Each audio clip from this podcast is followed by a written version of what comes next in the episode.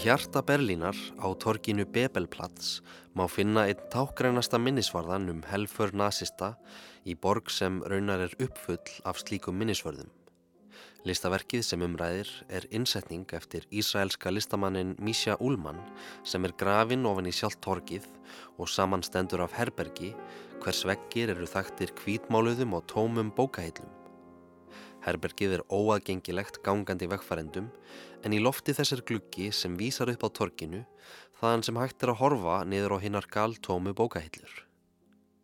Listaverkið var opinberað á Bebelplatz árið 1995 en innblásturinn að því er atbyrður sem átti sér stað á torkinu þann 10. mæ 1933 þegar nazistar í samráði við Þísk stúdendasamtök heldu eina stærstu og allræmdustu bókabrennu sem sögur fara af.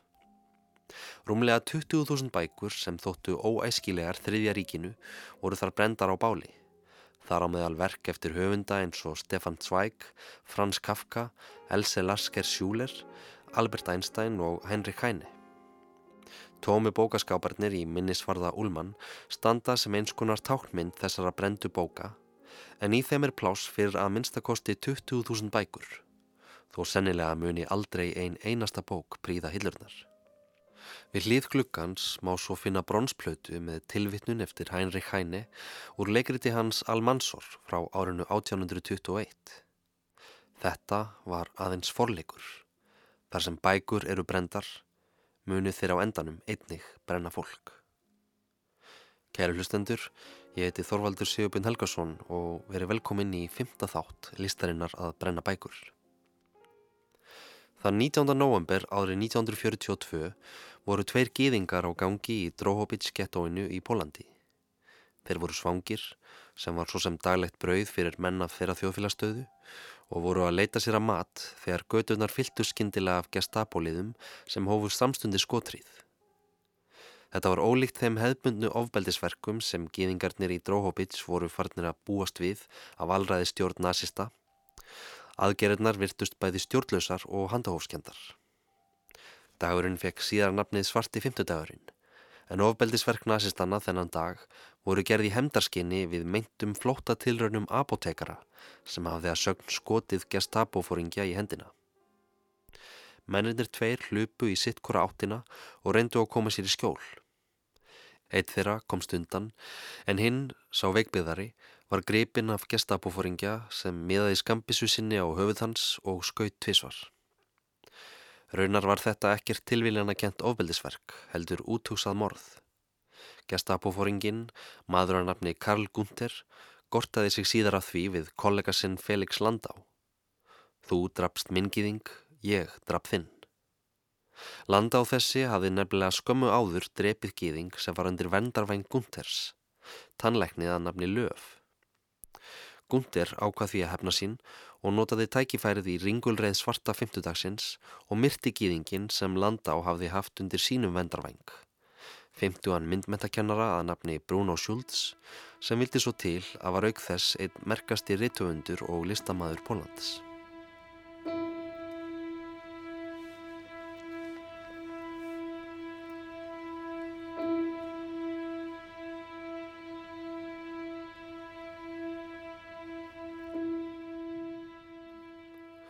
Bruno Schultz fættist hann 12. júli árið 1892 í Dróhóbits, fámennum bæ sem tilerir nú Úkrænu en hefur hert undir mörg ólík ríki og konungsveldi síðan hans var fyrst getið í heimildum á 14. öld. Bærin er staðsettur á landsvæði sem sögulega var kallað Galísía og heyrði undir pólska konungsveldið. Við lok átjöndu aldar í kjölfar skiptingu pólsk-litáiska samveldisins varð Galísía hluti af austuríska keisaradæminu þaðan sem það var nýlega búið að öðlast sjálfstjórn þegar Bruno kom í heiminn. Hann var yngstur þryggjabarna hjónana Jakobs og Henriettu, kaupmanna af gýðingaættum sem byggu á annari hæði íbúðarhúsi við markaðstorg bæjarins. Á neðstu hæð húsins rak Jakob litla vefnaðarveruverslun sem hétt eftir konu hans, Henrietta Schultz.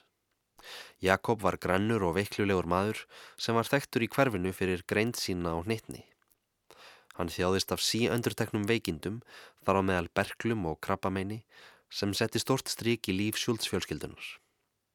Bruno átti síðar eftir að gera Jakob að líkil personu í smásugum sínum þar sem hann dró upp mynd af föður sínum sem eins konar dullrænum meinlætamanni sem lifir að mestuleiti í sínum eigin huga og safnar auk þess ímiskonar sjálfgefum fugglategundum. Bruno erði sitt hvað af taugaveiklun föður síns. Sem barn var hann hilsuveill og sagt er að hann hafi vart hætt sér út á svalirnar á heimili sínu án þess að vera í fylld móður sinnar.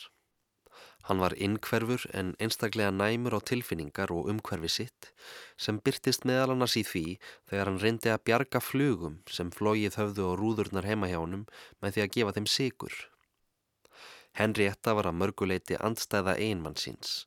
Hún var sterkbyggð og þrýstinn í vexti og gladlindi hennar mildaði þrúandi andrumsloftið á Emilinu sem litaðist af veikindum Jakobs.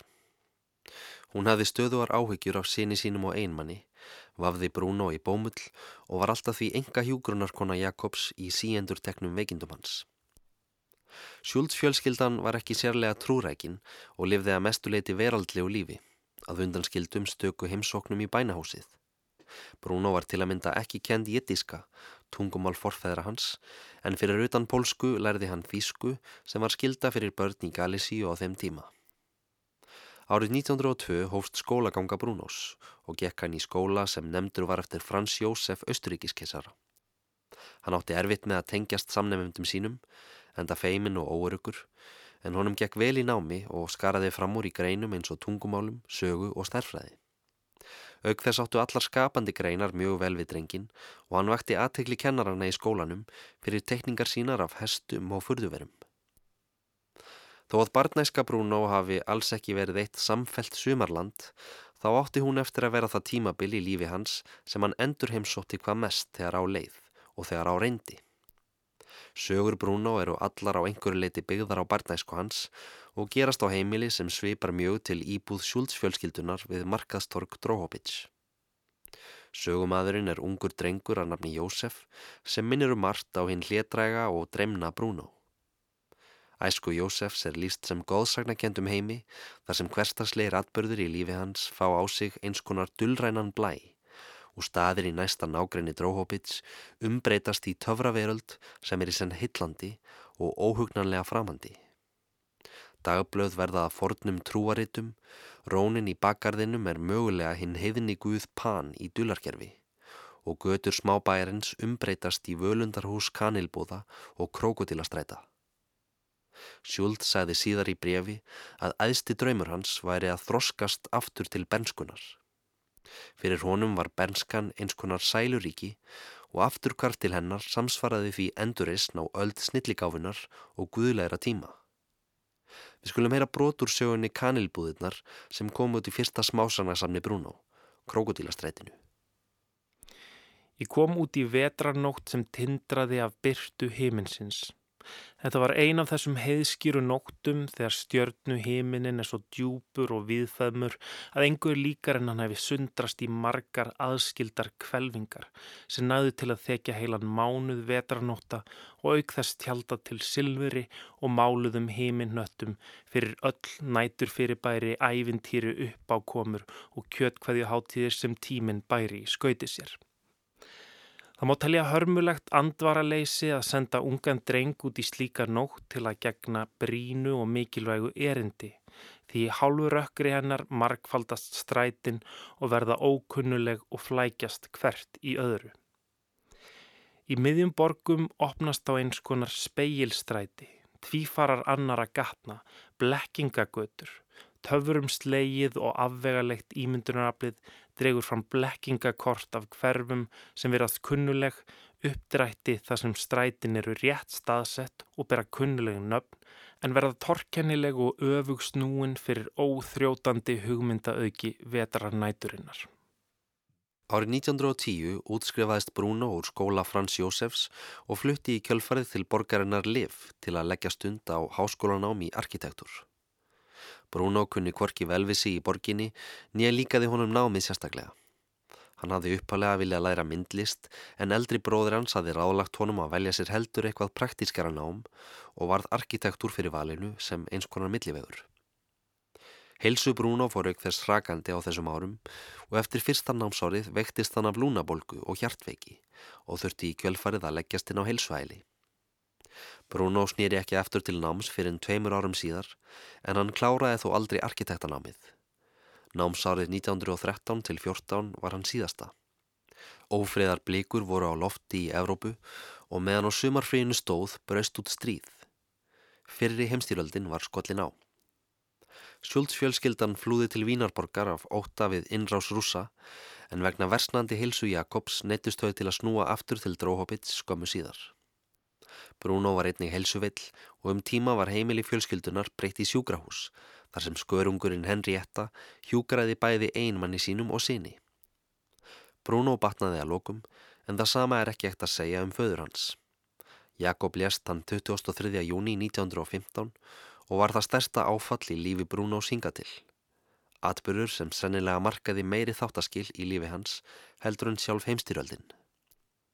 Húsið við markaðstorkið og vefnaðar veru vestlunin Henrietta Schultz voru einnig farin. Fjölskyldan hafi mist vestlunina stuttu fyrir dauða Jakobs og húsið brann í eldsóða skömmu síðar og með því flest ummerkin um hinn að sæluríku æskudaga. Fjölskyldan flutti því en til sýstur Brunos og einmanns hennar á Florianska stræti. Bruno gerði enn eina alleguna að því að klára háskólanám sitt og tók nokkra kursa í arkitektur í Vín árið 1917 til 18, rétt fyrir stríðslokk. En vegna ófriðar ástandsins í austurísk-ungverska keisaradæminu sem var við það að líða undir lok og byltingar olgunar í Vín snýri hann aftur heim til Dróhopits og sæði skilið við námið fyrir fullt og allt. Seks árum síðar, árið 1924, átti hann eftir að setjast aftur á skólabekk. Í þetta sinn þó ekki sem nefandi, heldur sem kennari í teikningu og handíðum við skólan þaðan sem hann hafi útskrifast árið 1910. Skólinn hafi breytt um nafn í millitíðinni og hétt nú Ríkiskóli Vladislav Jagiello konungs, en það keisaradæmið Östuríki Ungveraland ekki lengur á kortinu. Bruno valdi starfið engungu af nöðsinn, en síðustu ár hafði verið þónum fjáraslega erfið. Hann hafði verið atvinnulegs og einangraður en hafði þó nýtt tíman með því að sökva sér í lestur og viða að sér ímiskonar þekkingu. Kennarastarfið var Bruno bæði blessun og bölfun. Blessun að því leiti að það veitti honum fjáraslegt öryggi en bölfun að því leiti að vinnan tók yfir flest allan tíma sem hann hefði annars geta nýtt til sinnar eigin listsköpunar. Hann nýtti þann frítíma sem hann átti aflugu en þó reyndist honum erfitt að finna jafnvægi á milli síns ofinbera starf sem kennari og raunverulegar ástriðu hans sem listamæður. Hann gerði ítrekkaðar tilraunir til að sækja um tímabundi leifi frá kennslu og í brefum til vina sinna og kollega lísti hann gerðan áhyggjum sínum yfir því á sama tíma og hann kvartaði yfir skildum sínum í skólanum. Í brefi til skaldbróður síns Júlíans Túvim frá árinu 1934 lætur Bruno til dæmis eftirfarandi orð falla. Ég var mjög niðurdregin. Mér var ekki veitt kennsluleifið sem ég hafi bundið svo miklar vonir við. Ég mun halda kyrru fyrir í Dróhobits í skólanum þar sem skrillin mun halda áfram að hamast á taugum mínum. Þú verður að skilja að taugarnar mínar eru dreifðar eins og net um alla handavinnustofuna, tegðar yfir gólfið, veggfóðraðar á veggina og vafðar í kringum vinnuborðin og steðjana í þykri fléttu. Þetta er fyrirbæri sem þekkist í vísindum sem fjarskinjun. Þar er allt sem á sér stað á vinnuborðunum á sér að einhverju leiti einnig stað á húðmenni. Þökk sem jafn fínlega uppbyggðu bóðkerfi eru það örlög mín að vera myndmentakennari. Á sama tíma var ferill Brúnós sem sjálfstæður listamæður smám saman að blómstra. Hann hafði haldið fyrstu engasýninguna á verkum sínum í Varsjá árið 1922 og á næstu árum átti hann eftir að taka þátt í ymsum síningum í Vilnius, Liv og Kraká. Sumarið 1928 ferðaðist Brúnó til heilsuhælisins Trúskavéts rétt hjá Dróhobits. Þar leitaði hann álits kunningja sem var profesor í efnafræði á nokkrum grafíkverkum, teikningum og ólíumálverkum. Profesorinn stakk upp á því að Bruno setti upp síningu á verkunum í hilsuhælinu og svo fór að eigandi Trúskavéts gaf honum aðgangað síningarými endurgjaldslaust. Síningin á verkum Brunos var vel sótt af gestum hilsuhælisins og seldust nær allar myndinar flestar fyrir mjög lága upphæð þar sem Bruno hafði ekki þórað að verleggja sig of hátt. þó kom upp eitt skondið atvik sem mótlið því að síningunni var næri því lokað. Á sama tíma og síningin fór fram dvaldi á heilsuhælinu Roskin öldungardeldaþingmaður á áttræðisaldri að nafni Maximilian Tulli. Eitthvað hefur þingmannunum mislíkað myndlist Bruno Schultz og sendi hann kvörtun til hérasífirvalda þar sem hann lísti síningunni sem argasta klámi og heimtaði að henni er þið samstundis lokað. Tekningar Bruno voru gjarnan erotískar í eðli sínu og í þeim byrtast reglulega masokískar fantasíur þar sem hávaksnar á leggja langar konur drotna efir dvergvöksnum skrýðandi mönnum. Yfirleitt ber eitt þessara dvergvöksnu manna andlit Bruno sjálfs sem gefur ákveðnar vísbendingar um að myndirnar hafi átt uppruna sinn í draumórum listamannsins. Héras yfirvöldin höfnuðu þó kröfutúli og sögðu það ekki vera í sínuvaldi að loka síningunni. Þau ráluði honum að beina máli sínu til pólska þingsins en þingi var þá í sumarfríi og málið glemdist að lókum. Myndlist og reitlist, þau tvö listrænu form sem Bruno Schultz tilengaði sér, geta báðar verið nokkuð einrænar yfir, eins og allir sem lagt af að stunda á þær þekkja. Bruno var sjálfur auk þess frekar feimin og prívat einstaklingur, en hann þráði einhverða síður félaga. Einhvert sem hann geti deilt hugðararnum sínum um listina við einhvert sem geti skilið stritið og sálar ángistina sem fylgir sköpunarferlinu. Árið 1930 kynntist Bruno skáldkorunni Deborah Fogel í gegnum sameigilegan vinn þeirra, skáldið og listmálaran Vitkassi. Bruno og Deborah smullu samstundi saman. Þau voru vitsmunulegir jafningar sem deldu áhuga á bókmentum og listum og með þeim tók stjúbstæð vináta. Deborah átti heima í Liv, þar sem Bruno heimsótti hana reglulega og eittu þau löngum stundum saman í göngutúrum um borgina. Þau skrifuðu stetning á og í brefum sínum til Deboru byrjaði Bruno að bæta við löngum eftirmálum sem henni heldu uppkostað smásugum þar sem hann umbreytti sínu nánasta umhverfi í Dróhópits í góðsaknakendan og framandi söguheim. Debora tók þessum brefum vel og kvatti Bruno til að halda áfram með sögurnar sem hann nú gerði. Upp úr fræjunum sem sá það í verði í brefunum til Deboru hugsu smásögur og þegar þær voru farnar að taka á sig mynd hóf Bruno að sapna þeim saman í handrit. Deborah bar sögurnar undir nokkra vini sína sem tóku að kalla eftir útgáfu þeirra. Fyrstu tilurni til þess báru ekki mikinn árangur en það var Bruno sjálfur mjög híkandi í þeim efnum auk þessum innihald og formsagnana var gjur ólíkt öllu öðru sem þá var að gerast í pólsku bómentalífi. Deborah hjælt þó sínu striki og í gegnum kunningakonu sína tókst henni að koma Bruno í samband við rittöfundin Sofíu Nalkovsku sem var áhrifamikill einstaklingur í pólsku menningarsamfélagi og hafði sterk tengsl við bókaútgefendur. Nalkovska samþykti að hitta Bruno á páskadag 1933 og skildi hann eftir handritið á skrifstofu hennar. Síðar um kvöldið ringdi símin og þá kom í ljós að Nalkovska var yfir sig hrifin af handritinu. Hún kallaði það sannkallaða bókmyndalega uppkvötun sem er þið tafarlust að gefa út. Hún saðist myndu ganga í málið og hétti að fara á fund Róðs útgáfinar strax daginn eftir. Sofía Nalkovska stóð við orð sín og rúmum áttamánuðum síðar í desember árið 1933 en með útgafu ártalið 1934 kom fyrsta bók Bruno Schultz út á vegum Róðs útgáfinar. Bókin bar pólska titilinn Sklepi í Cinnamonovi sem á íslensku myndi útleggjast sem kanilbúðirnar en hún er þó betur þekkt hér á landi undir nafninu Krokodílastrætið. Með útgafu Krokodílastrætisins breytist fjölmart í lífi Bruno.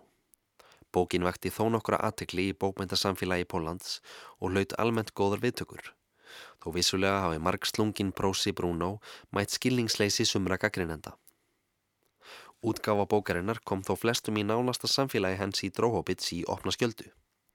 Því jafnvel þótt margir hafi vitað af myndlistarhæfileikum Bruno þá hétt hann skrifum sínum mestmæknis fyrir sjálfan sig og deldi þeim aðeins með nokkurum nánum einstaklingum eins og Deboru Fogel. Eftir útgafu bókarinnar ógs virðing Bruno smám saman með all kollega hans í skólanum og tveimur árum síðar, í april 1936, var hann sæmdur nafnbótinni profesor. Hugmyndin um að geta að öllu leiti lifað fyrir listina og af henni var þó enn aðeins fjarlægur draumur en það greiti útgefandi krokodilastrætisins Bruno ekki svo mikið sem eitt sloti fyrir bókina. En í kjölfar stöðuhækkunarinnar í skólanum rættist þó annar langþráður draumur. því Bruno fekk loksins leifið sem hann hefði svo lengi vonast eftir. Honum var útlutað launað kennsluleifi frá 1. janúar til 30. júni. Leifið nýtti hann til skrifa á smásugum og bókbendagagrinni og eitti hann stórum hluta þess í Varsjá. Bruno var mikið í mun um að fylgja eftir góðum árangri krókudílastrætisins með annari bók og árið 1937 kom út smásagnasafn sem bar titilinn Heilsuhæli undir merki stundaglassins. Sú bók samanstóða mestuleiti af eldri smásögum sem höfðu verið skrifaðar á svipuðum tíma og sögurnar í krokodílastrætinu.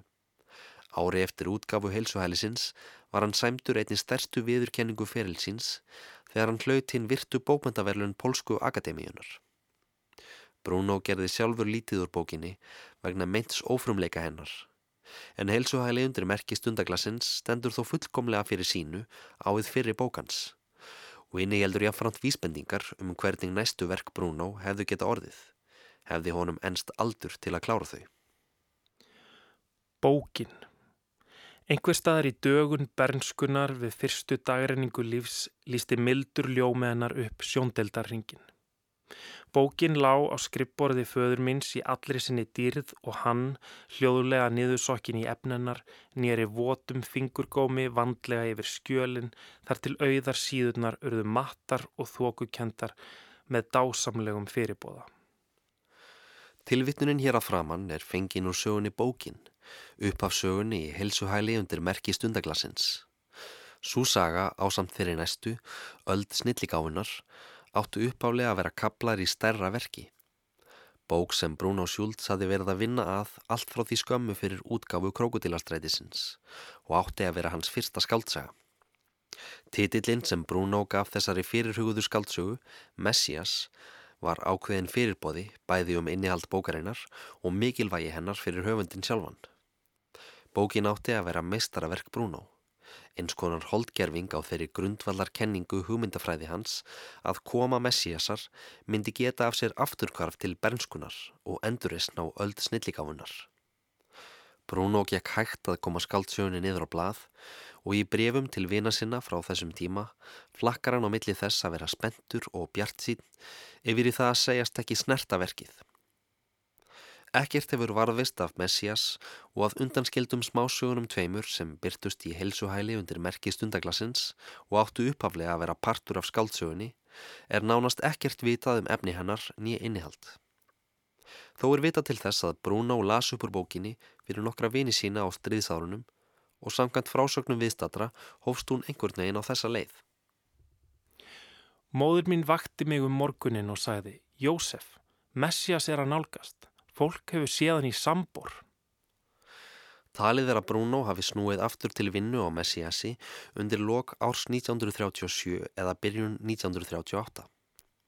Margir vina hans letu í ljós áhuga sin á verkinu og kvöttu hann til að halda áfram með skrifin.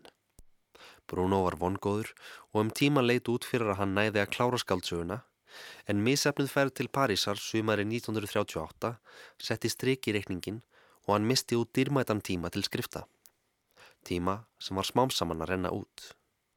Ófriðarblikur voru á lofti í Evrópu í annarsinn á æfi Bruno og það var líkt og hann fyndi það á sér að bráttmyndu hlutinir aldrei verða samir aftur. Í brefi til vinkonu sinnar Romana Halpern í mars árið 1938 skrifar hann Svo drungalegir, sögulegir atbyrðir, þeir stefna í sífelt verri átt. Það dregur mig æg meira niður. Ég hef verið nærri örvæntingu nokkrum sinnum eins og rétt fyrir yfirvofandi hörmungar. Vorið er svo dásamlegt. Maður ætti að lifa og drekka í sig heiminn.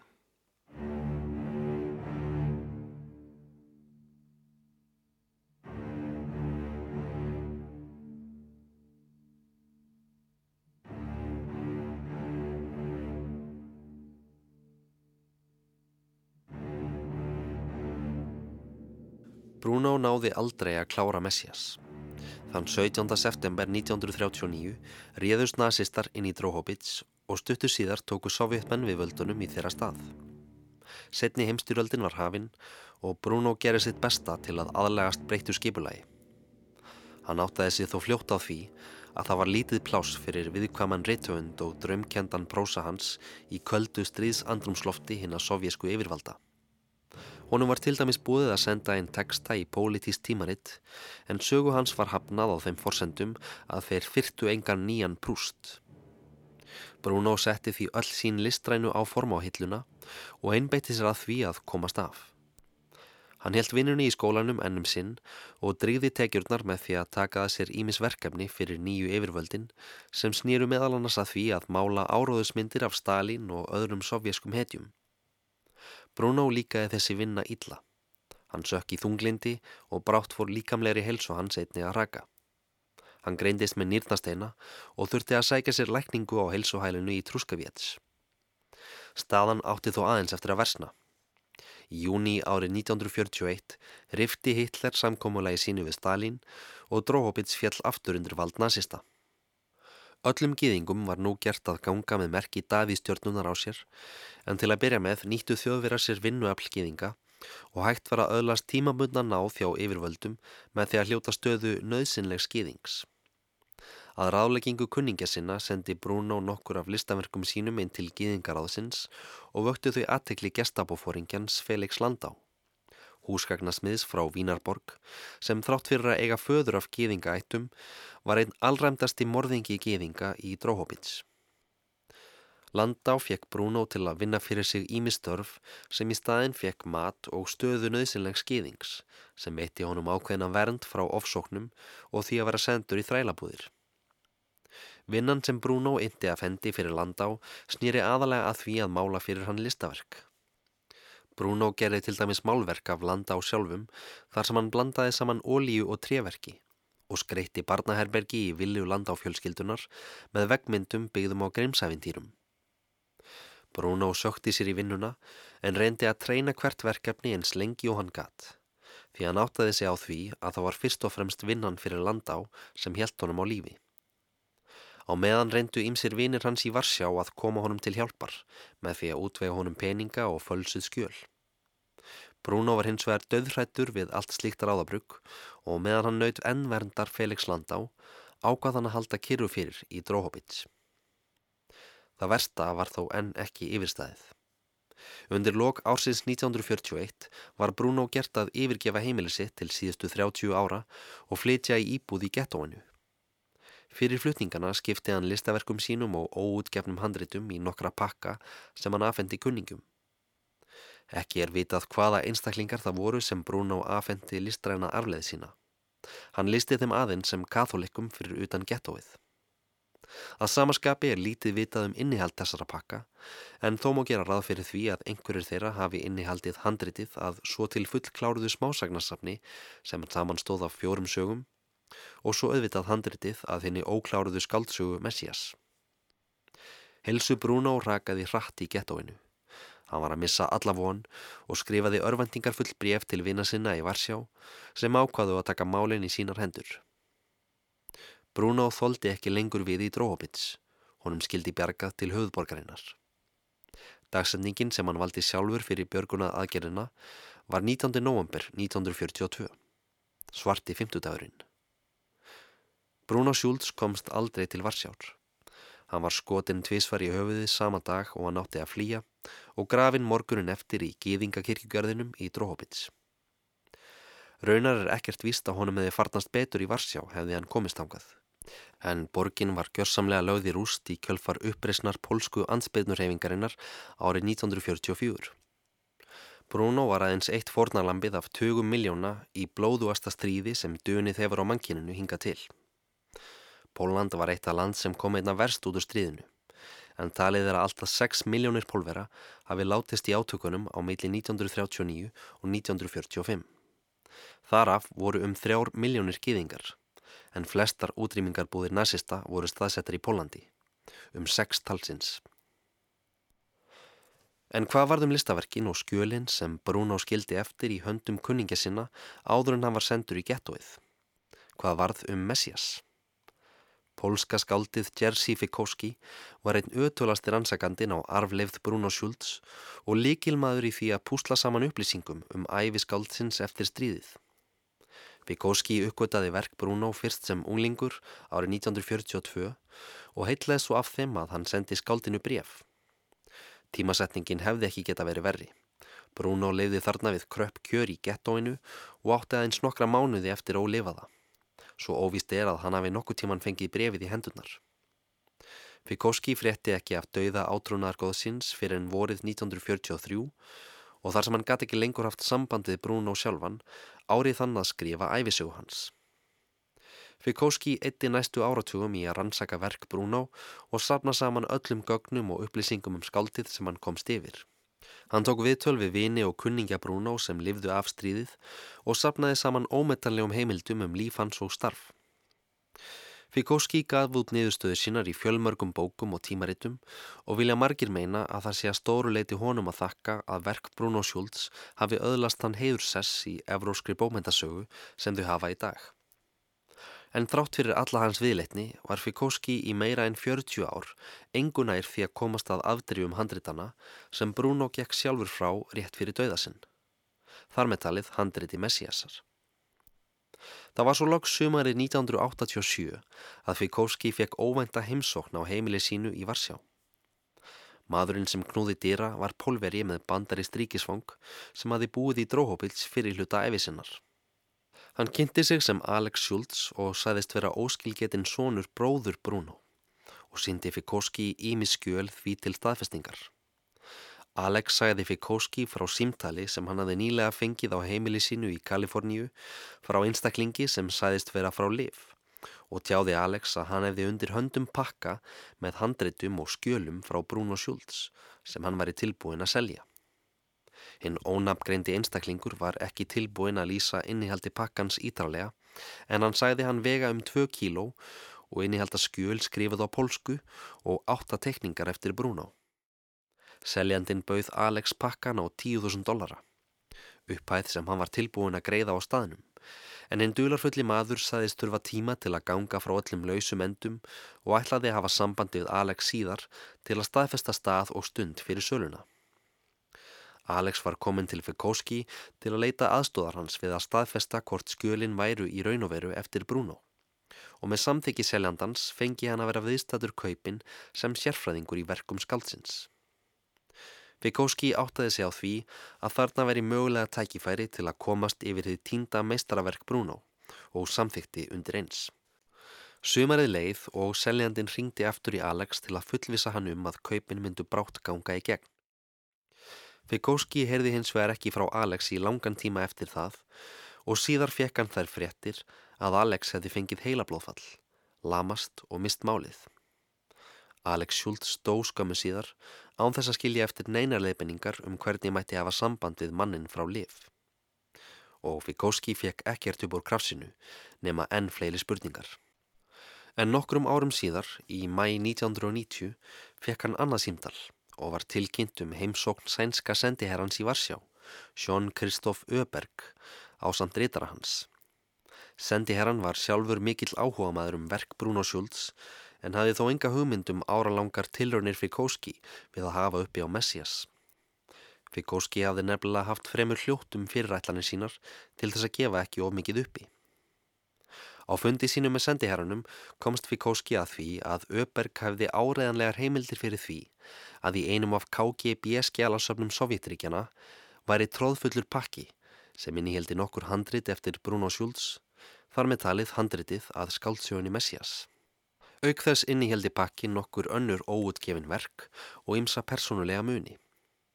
Öberg hafði fengið þessar fréttir á formlegum fundi diplomata í Svíþjóð og rætt þar við rússa sem hafðist ef að séð pakkan með eigin augum. Sendi herran hafði auk þess staðfest tilvist pakkans í gegnum aðrar heimildir en hann hjælt mikilvægastu upplýsingunum, nafni rússans og staðsetningu skjálasapsins útaf fyrir sig.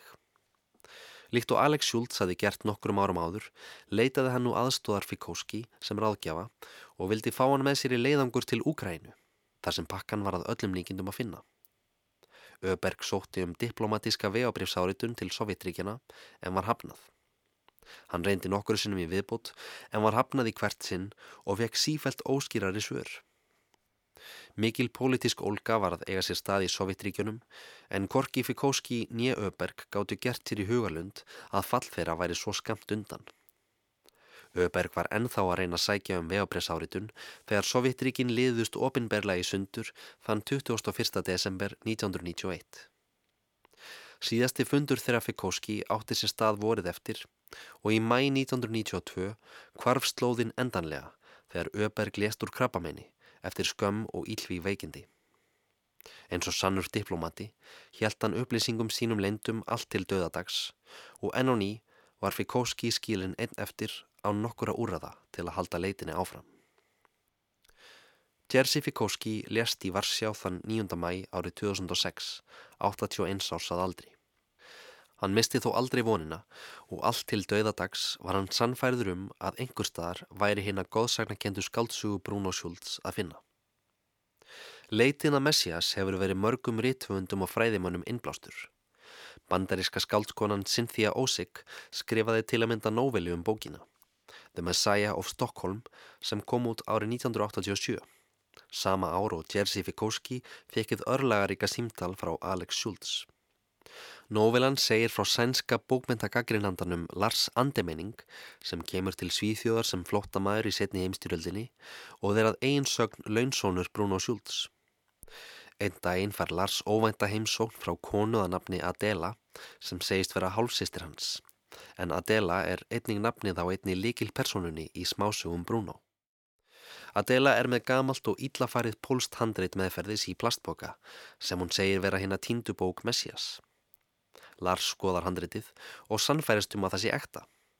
Hann grunar þó Adelu um að vill á sér heimildir og reynir að hrifsa handriti frá henni með valdi en hún er að flýja með það frá heimili hans. Eftir því sem líður á bókina gerist Lars sífælt torstrygnari. Hann verður að trúa því að Adela sé að plotta samsæri gegn sér á samt gömlum vinahjónum hans sem reyka bókabúð og er sannfærður um að hún hafi fengið þau í lið með sér til að falsa handritið. Þegar fundum þeirra Adelu ber aftur saman á heimili hjónuna endar það með ósköpum og því að Lars brennir handritið að Messias til kaldra kóla. Í tæp 30 ár hafa engar nýjar fréttir komið fram um afdrif Messiasar. Hvort bókin sé enn til eða hvort hún sé glötuð fyrir fullt og allt verður því látið liggja mig til hluta hér. Ef til vill skipta raunveruleg örlög bókarinn er ekki máli. Jafnvel þótt hún verði aldrei fundin þá mun hún samt halda áfram að vekja upp undrun og lotningu hvers þess sem kynnist verkum Bruno Schultz og heyrir söguna af tíndu skaldsögu hans. Bandaríski rappinin Niles Elliot Goldstein vill allavega svo meina í greininni Chasing the Messiah and Bruno Schultz's Long Lost Novel þar sem hann rekur sögu bókarinnar. Goldstein endar greinina á því að segja Kanski er leitin bókin Kanski er þrá okkar að snerta hið yfirskilvillega, að komast í tengingu við hið ósegjanlega, það sem Messias fjallar í raun og veru um.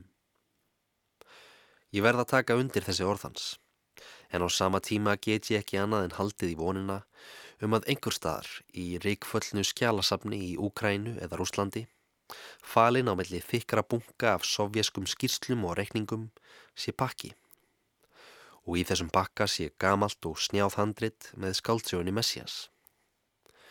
Ég veit vel að svo bók myndi sennilega aldrei jafnast af þá bók sem ég hef skapað í mínum eigin huga. En það skiptir engum máli. Því Messias er engin venjulega bók.